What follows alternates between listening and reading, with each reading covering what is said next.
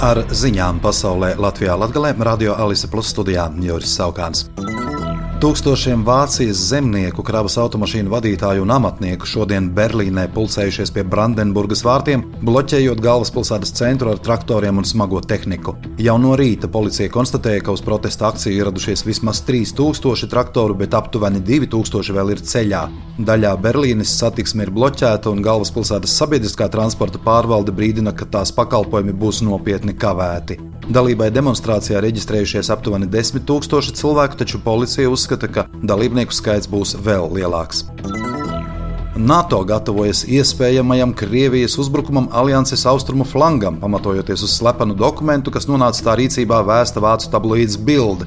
Vācijas aizsardzības ministrijas dokumentā izklāstīts iespējamais scenārijs konfliktam starp Krieviju un NATO, kas kulmināciju sasniegtu 2025. gadā.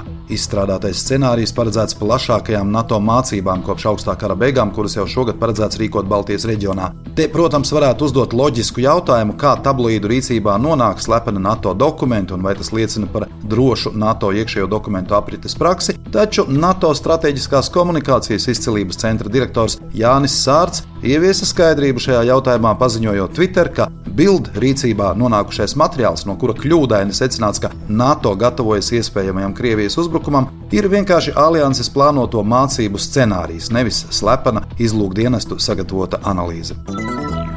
Šodien Davosā sākas ikgadējais Pasaules ekonomikas fórums, kas ilgs līdz 19. janvārim. 54. ikgadējā sanāksmē Davosā piedalīsies aptuveni 2800 dalībnieku, tajā skaitā vairāk nekā 60 valstu un valdību vadītāji. Latviju pārstāvēs valsts prezidents Edgars Rinkēvičs. Augstdaugavas novada pašvaldība izsolē mēģina pārdot agrākās Raudas internāta pamatskolas ēku. Īpašuma sākuma cena 7. februāra izsolē noteikta 74,000 eiro. Pašlaik ēka netiek izmantota, taču ziemā to apkurina, lai nepasliktinātos tās tehniskais stāvoklis. Gada laikā tiek iztērēta pamatīga summa uzturot ēku bez pielietojuma.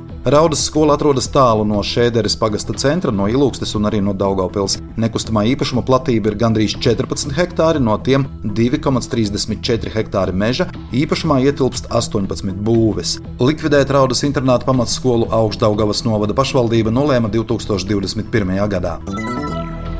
Daugopils valsts pilsētas pašvaldība līdz 26. janvārim aicina tos uzņēmējus, kuri būtu ieinteresēti attīstīt uzņēmējdarbības infrastruktūru Daugopilī, piedalīties aptaujā un izteikt savu viedokli par uzņēmējdarbības infrastruktūras attīstību pilsētā. Hipersaite uz aptauju atrodama pilsētas portālā daugopils.lv pie attiecīgās publikācijas.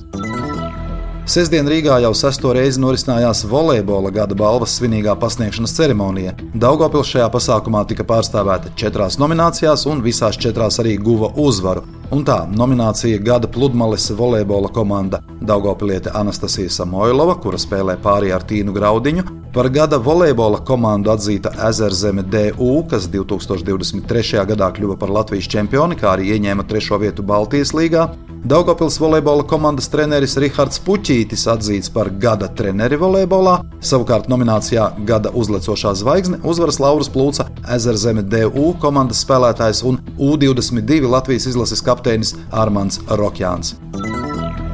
Rīt, 16. janvārī, Kultūras pilsētas sporta zālē Daugopilī notiks reģionālās vīriešu basketbola līgas gaidītākā spēle. Tiksies abas čempionāta līderis, Daugopils sporta skola un Madona.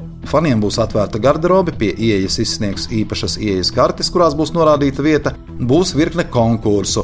Sezonas gaidītākā spēle Daugopilī rīt sāksies pulkstens 17.30.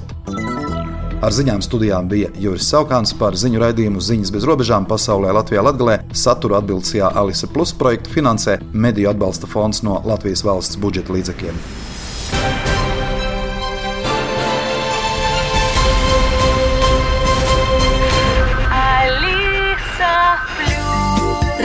see.